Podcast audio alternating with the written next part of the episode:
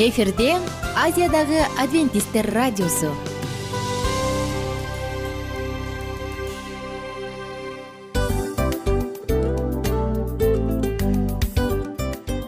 Достор салют. Баардык сүйүктүү угармандарыбызга салам айтабыз. Кутман күнүңүздөр менен. Ден соолук өмүрдүн булагы демекчи саламат саамы программасында баарыңыздарды көргөнүбүзгө абдан кубанычтабыз. Анда алгач амандашып өтөлү арбаңыздар деп. Ден соолугуңуздар кандай элибизде көбүнчө ден соолук кандай дегенде эле жакшы деп жооп беребиз э ооруп турсак дагы жакшы дейбиз. Анан мен муну айтып ойлойт элем бул абдан сонун сөз депчи анткени бул жакшы деген үмүт да ооба баары жакшы болот баары сонун. Деп үмүттөнүп атып эле өзүбүздү өзүбүз дарылап коебуз. Анысы кандай? Сиздин дагы ден соолугуңуз жакшы беш деген үмүттөбүз чындыгында ден соолук бул өмүрдүн булагы деп бекеринен айтылган эмес деп ойлойм. Кыргыз элинде анткени эгерде ден соолук жок болсо анда адамдын жашоосунда калган баардык керектүү маңыздуу нерселер өзүнүн баалуулугун жоготуп коет. Ошондуктан ден соолук бул эң керектүү нерсе. Ооба туура айтасың кесиптешим. Чынында ден соолугуң жок бир эки үч күн ооруп калсаң эле э кандай болуп калат? Жашоодо көз каранды болуп каласың көп нерсеге жетишпей каласың көп нерсени кыла албай каласың жада калса эшикке дүкөнгө да чыга албай каласың. Туптуура анан ден соолук болсо демек биз биздин бактыбыз тотой деп койсок болот. Анда достор саламат саамы рубрикабызды баштайлы. Алдыда өзүңүзгө керектүү болгон сонун кеңештерди уга аласыздар. Мына ошондуктан биз менен бирге болуңуздар. Ал эми биз болсо милан жана айнура. Кеттик алга. Алга саламат саама ден соолуктун жарчысы. Саламат саама ден соолуктун ачкычы. Күн сайын сиз үчүн мыкты кеңештер сонун жаңылыктар кызыктуу фактылар биздин рубрикада.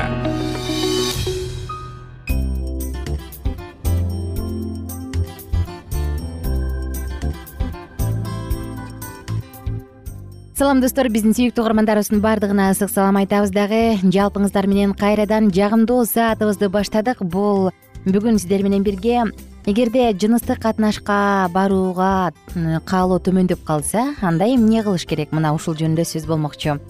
Бүгүнкү бөлүшө турган сок жашоо күчү деп аталат өмүр күчү деп аталат. Ал эми эске сала кетсек бул цикл пайдалуу суусундуктар деп аталган цикл. Жыныстык катнаш дегенде көпчүлүгүбүз биз уят деп ойлошубуз мүмкүн э негизи үй бүлөдөгү жыныстык мамиленин эң жакшысы бул жубайлардын ырахат бере алышы. Жана өнөктөштөр бири биринен канааттанышы эмеспи. Өкүнүчтүүсү жыныстык катнаш милдетке жубайы менен кошулуу жагымсыз сезимдерге айланып кеткен учурлар дагы бар. Же болбосо тескерисинче каалоо төмөндөп бири бирин канааттандырбай калган учурлар жок эмес экен. Жаңы турмуш курган жубайларга бири бирине болгон кызыгуусун кармап калуу оорчулук жаратпайт убакыттын өтүшү менен сезимдер мокоп калуулар жоголот дейт. Романтиканын ордун жубайлык милдет ээлеп калат дейт.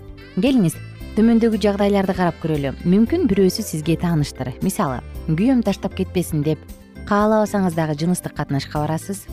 Жубайыңыз төшөктө көңүлүңүзгө жакпаган нерселерди кылса дагы чыр чатакты алдын алуу үчүн эч нерсе айтпайсыз.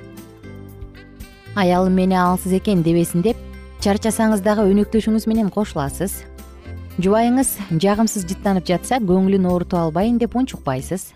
Жыныстык катнашка барууну кааласаңыз аялыңыздын башы ооруй берет. Бири бириңиз менен жалгыз калуудан коркуп бош убактыңыздарды сыртта өткөрөсүздөр. Жолдошуңуз көп иштеп жыныстык катнашка барууга убактысы жок. Аялыңыз өзүн карабайт сиздеги каалоону ойготуп өзүнө тартпайт. Жыныстык катнашта бир эле ыкманы колдоносуздар. Ушунчалык берилип алып ишиңизди кылып жатсаңыз жубайыңыздын ою башкада мисалы эшикте кирлер калып калды тамакты өчүрдүмбү деген сыяктуу. Жолдошуңуз мас абалында келип алып кошулууга мажбурлайт. Жубайыңыз төшөктө сиз каалабаган ыкмаларды жасагысы келет. Эгерде сизге булар тааныш болсо анда жыныстык мамилеңизде көйгөйлөр бар. Секс бул милдет эмес достор.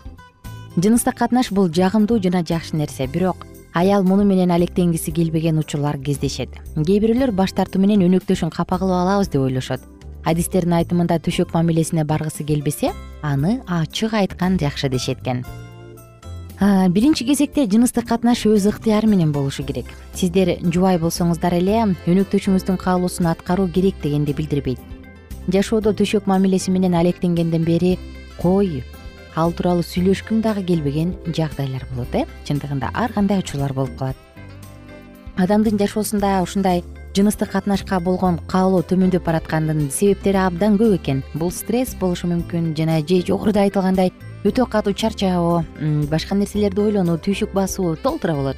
Жана ошондой эле анын дагы бир бир дагы бирден бир себеби эмне себептен мындай каалоо төмөндөп кетет? Бул жыныстык гормондордун деңгээлинин төмөн түшүп кетиши.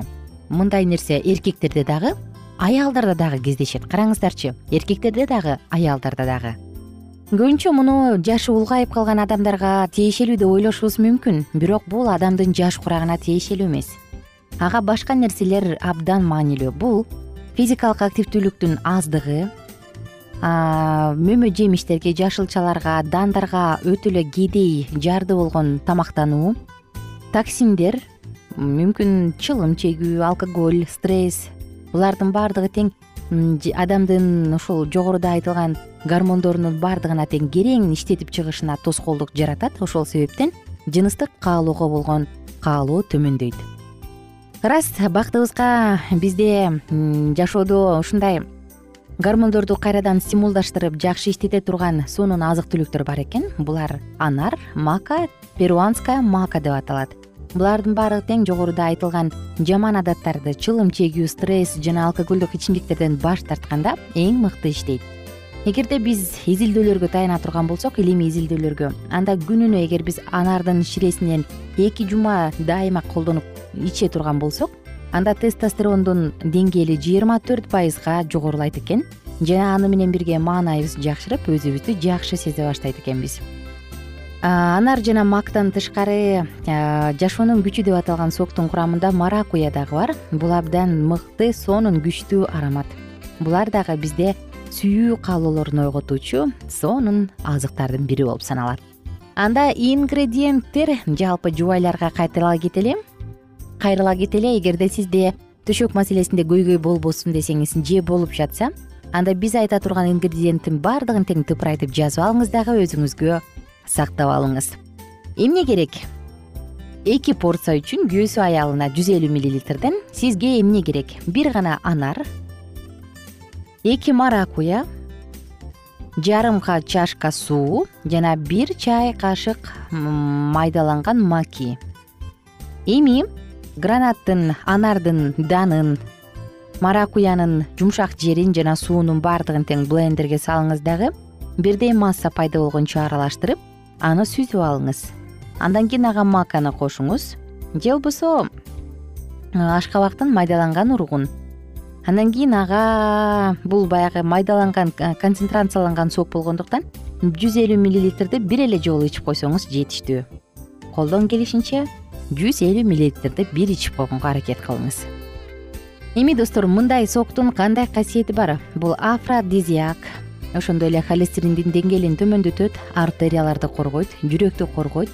Күчтүү антиоксидант жана ракка каршы күчтүү суусундук болуп саналат. Караңыздарчы жөнөкөй эле бир гана анар эки маракуя жарымга чашка суу бир чай кашык майдаланган маки.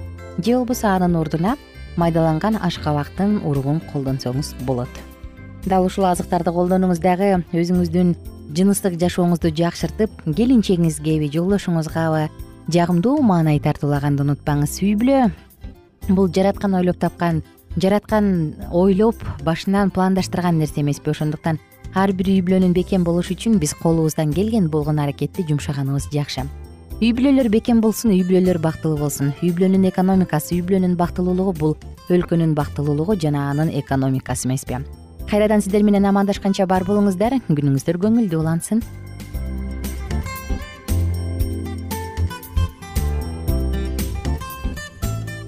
Кененирээк маалыматтар үчүн үч w чекит саламат чекит клуб сайтына келип таанышыңыздар.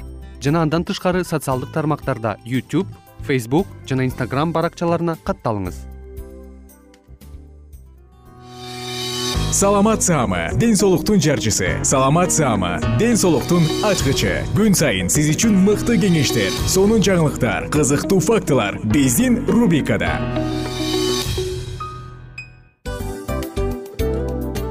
Салам достор.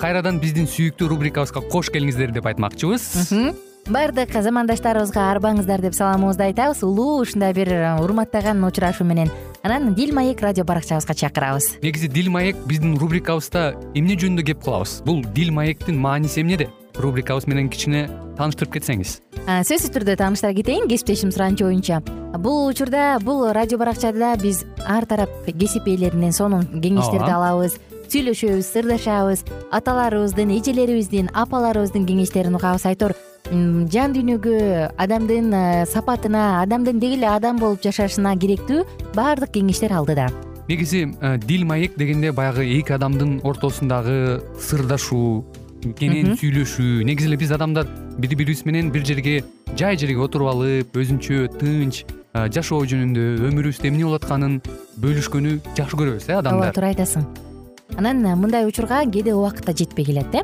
Же болбосо сырыңды кайгыңды муңуңду кубанычыңды айткың келет а адамга ишенбешиң мүмкүн. Ооба. А бул радио баракча угармандарыбыздын чыныгы досу. Анткени бизден алган кеңеш сиздин жашооңузга чоң жардам берет.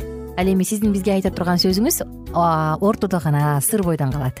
Ошондуктан биздин дил маек рубрикабызга дагы бир жолу кош келиңиздер. Жана биз даярдаган маалыматтарга даяр болуңуздар. Айнура жана милан сиздер менен бирге алдыга кеттик ар түрдүү ардактуу кесип ээлеринен алтын сөздөр жүрөк ачышкан сыр чачышкан сонун маек. Дил маек рубрикасында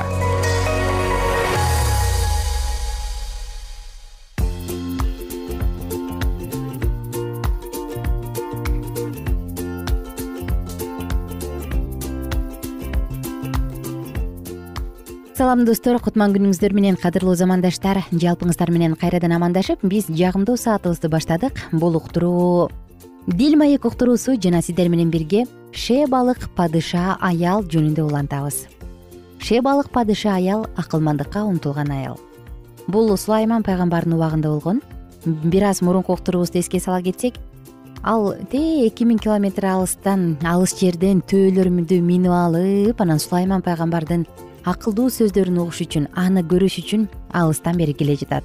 Анын төөлөрүндө кымбат баалуу алтын буюмдар зергерлер айтор укмуштун баары бар. Анда улантабыз. Бир аз эртерээк баштайын сулайман пайгамбар жөнүндө. Э атасынын тактысын мурастап калгандан кийин түн ичинде сулаймандын түшүнө теңир кирип сага эмне берейин? деп сураган. Жаш падышанын жообунан анын жөнөкөйлүгүн жана тил алчаактыгын көрүүгө болот. Сенин элиңди башкарууга жаман жакшыны ажырата билүүгө өз кулуңа акылдуу жүрөк бер. Анткени сенин көп сандуу элиңди ким башкара алат анын жообу кудайга жагып калды. Кудай ага эч кимге бере элек өлчөмдөгү акылмандуулукту эле эмес. Байлыкты да атак даңкты да берди. Ошондуктан сулайман башка падышалардан жогорку даражага көтөрүлдү. Анын мамлекети өз тарыхындагы алтын кылымды баштан өткөрүп жатты бул гомердин мезгили жана ысрайыл тарыхынын алтын кылымынын учуру эле. Мисир ашур жана бабыл өлкөлөрү алсыз болчу. Ысрайыл болсо өз падышасынын акылмандуулук менен башкаруучусунун алдында гүлдөп өнүгүп жатты. Иерусалим бардык шаарлардын ичинен эң мыктысы кооздугу жагынан андагы ибадатканага тең келе ала турган бир да имарат жок шебалык падыша аял сулайман падышага ушундайча келди. Анын келиши расмий эмес а жеке мүнөзгө ээ. Жолугушуу каадасынан кийин маектешүү башталды. Падыша аял момундук менен өзүнүн билиминин жетишсиздиги жөнүндө айтып акылмандуулукка ээ болгусу келерин билдирди. Ал сулайман падышага ачык айрым жана өзгөчө кыраакы адамга өзүн тынчсыздандырган көптөгөн суроолорду берди. Сулайман да ал аял сыяктуу эле мамлекеттик жогорку кызматтагы адам. Ал аялды жакшы түшүнөт. Аял туш болгон көйгөйлөргө сулайман да туш болгон. Аялды таң калтырып сулайман анын өтө татаал чиенишкен суроолорунун бирин да жоопсуз калтырган жок. Бул адамга кудай батасын бергенине падыша аял угуп көргөн нерселеринен улам көзү жетти. Ал сулаймандын даанышмандыкка эле эмес билимин иш жүзүндө колдоно билүү жөндөмдүүлүгүнө да ээ экенин түшүндү. Анын жөндөмдүүлүгү баардык нерседен. Падыша сарайынын жасалгасынан да кызматчыларынын өзүн алып жүрүүсүнөн да малайларынын жүрүм турумунан да көрүнүп турат.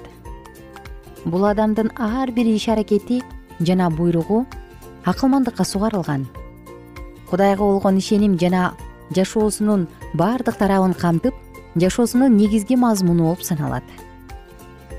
Сулайман падыша аны жашоосунун сырткы мамлекеттик тарабы менен гана тааныштырбастан анын кудайдын ибадатканасындагы чогулушка катышуусуна мүмкүнчүлүк берди.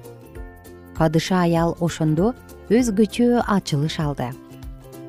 Сулайман бүтүндөй өрттөлүүчү курмандык алып келип чалганда ал өзүн курмандыкка чалынган малга анын күнөөлөрү үчүн анын ордуна мууздалып жаткан малга теңеп жатканын сезди. Кудай кечирим алууга шарт түзө турган каражатты көрсөтүп берди. Сулайман да бул каражатты колдонуп калуу мүмкүнчүлүгүн колдон чыгарган жок. Жазыксыз төгүлгөн кан ага күнөөлөрдүн актала тургандыгына кепилдик берип турду.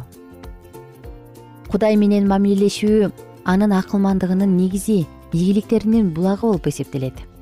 Падыша аял сулаймандын жашоосунун максаты өзүнүн акылмандуулугу эмес кудайды таанып билүү жана анын алдындагы коркунуч экенин түшүндү. Сулайман падыша осуяттарды аткарып кудай муну карапайым адамдардан эле эмес падышалардан да талап кыларын мойнуна алды. Шебалык падыша аял мындан таасирленип анын зор мүдөөсү орундалды. Сенин акылмандуулугуң жөнүндө айтышканда ишенч эмес элем мага апыртып айтып жатышкандай сезилчү бирок чындык мени уккандарымдан алда канча жогору тура.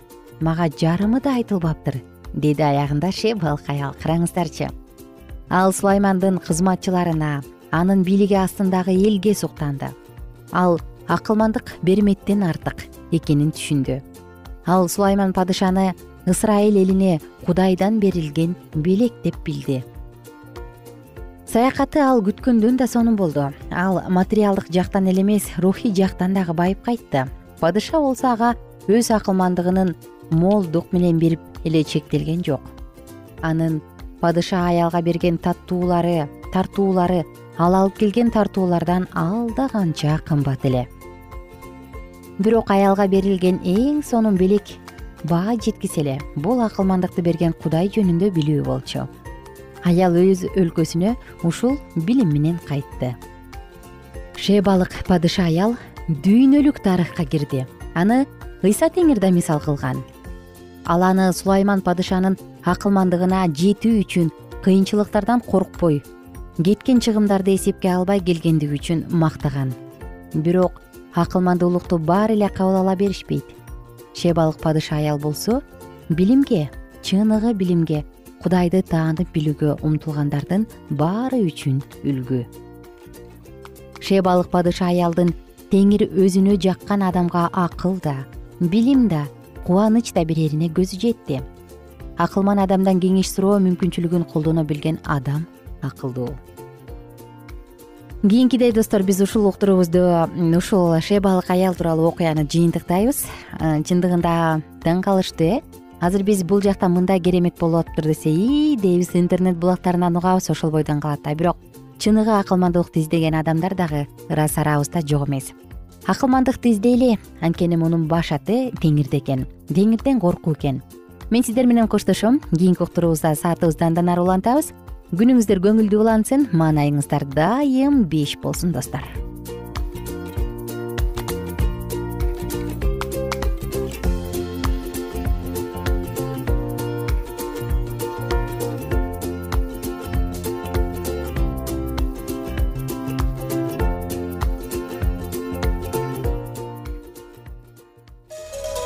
ар түрдүү ардактуу кесип ээлеринен алтын сөздөр жүрөк ачышкан сыр чачышкан сонун маек дил маек рубрикасында.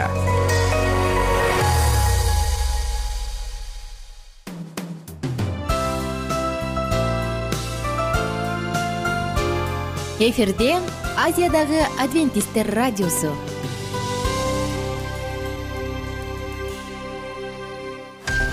жан дүйнөңдү байыткан жүрөгүңдү азыктанткан жашооңо маңыз тартуулаган жан азык рубрикасы.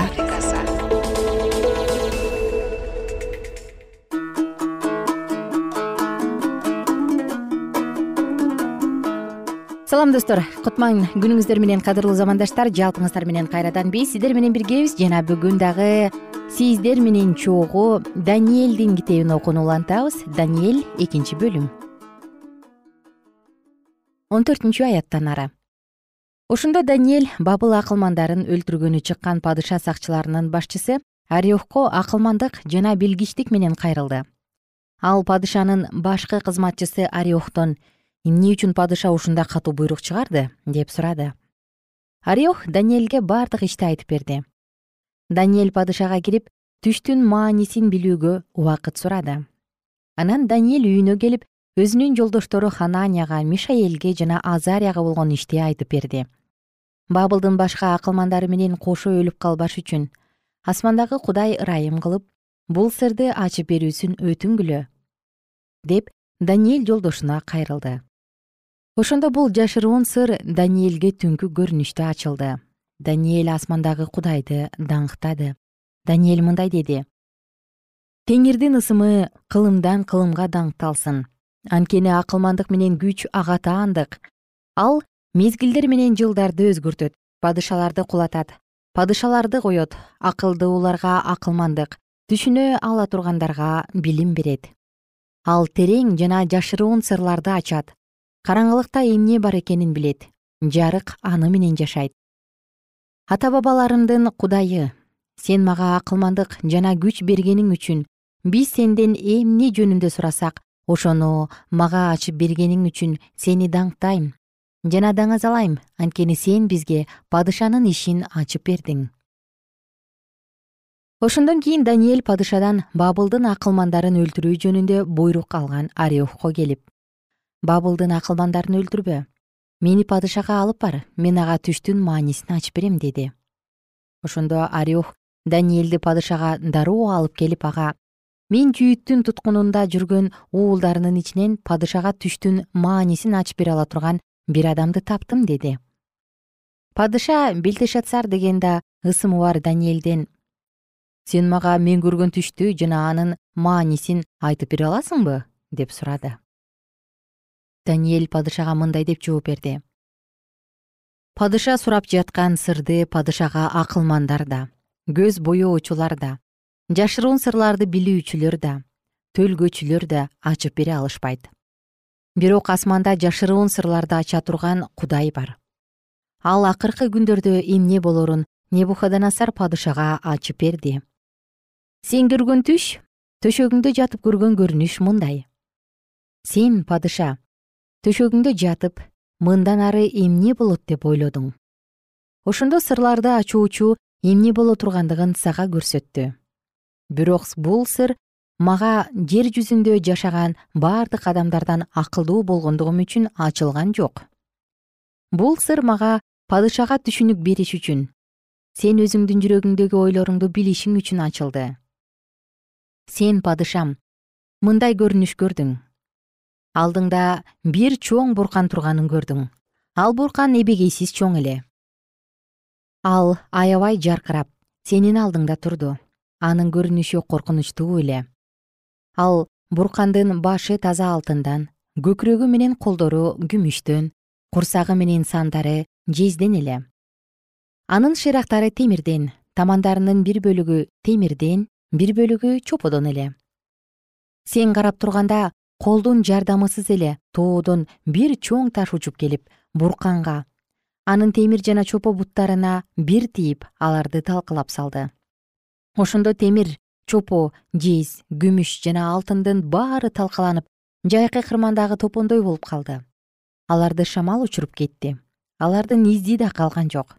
Бурканды талкалаган таш болсо чоң тоого айланып бүт жерди ээледи.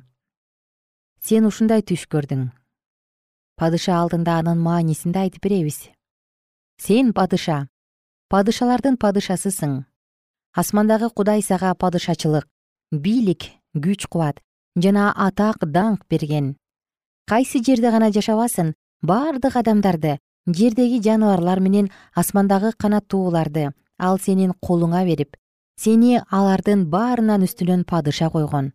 Алтындан жасалган ошол баш сенсиң. Сенден кийин сенин падышачылыгыңдан төмөн болгон башка падышачылык келет. Андан кийин бүт жер жүзүнө үстөмдүк кыла турган үчүнчү падышачылык жез падышачылыгы келет. Төртүнчү падышачылык болсо темирдей катуу болот. Анткени темир баардыгын талкалап бүлүнткөндөй эле ал да баардыгын кыйратуучу темирдей болуп талкалап бүлүнтөт.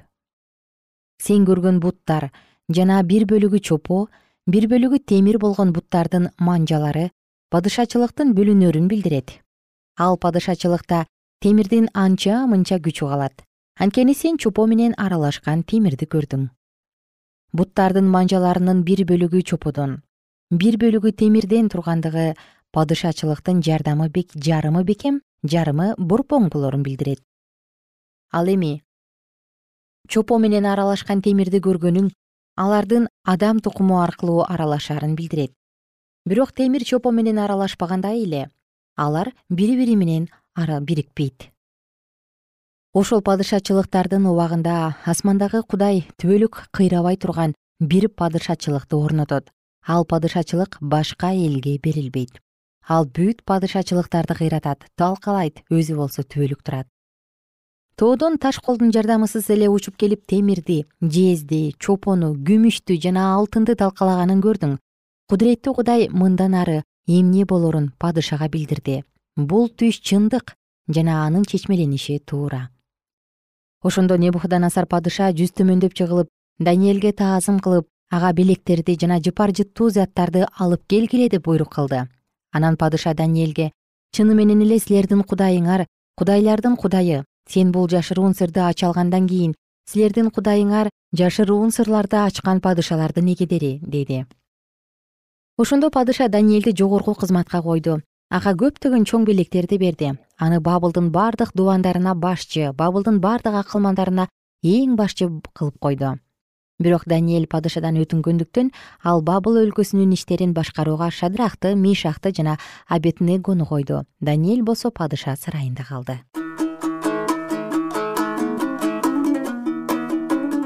Кийинкиде уктуруубузду улантабыз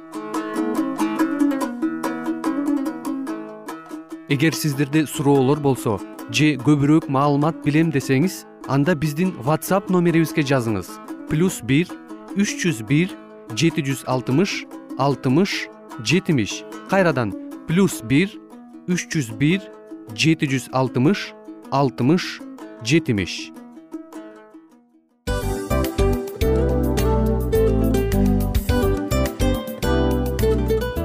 достор биздин радио баракчаларыбыз соңуна келди. Демек бул программабызды дагы жыйынтыктачу учур келдик. Учурга келдик. Анан кесиптешимден сурагым келип турат. Негизи эле иштин башталып атканы кубандырабы сени же жыйынтыгы кубандырабы?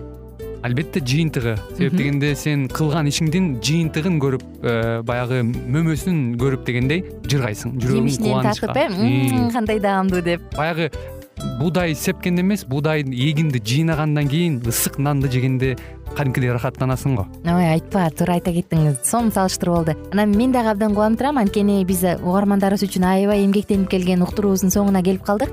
Анан эми э, уктуруубуздун соңунда угармандар кандай пайда алып калды экен деп күтүп турам да. Балким э, менин жашоомо өзгөрүү киргизе турган сонун сөздөр болду мен ушул нерсени изилдеп анан кабыл албасам ушул нерсени кылбасам деген чечим чыгарсаңыз анда биз абдан кубанычтабыз. Сөзсүз түрдө.